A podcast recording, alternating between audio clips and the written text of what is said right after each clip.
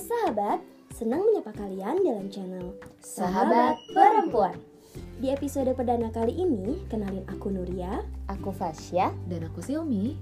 Di sini kita akan membahas hal-hal menarik di sekitar kita dari sudut pandang perempuan. Khususnya sudut pandang kita karena kita adalah perempuan. Oke, mungkin untuk perkenalannya segitu dulu aja kali ya. Untuk lebih jauhnya, kalian bisa langsung eh, cekidot aja ke podcast kita selanjutnya.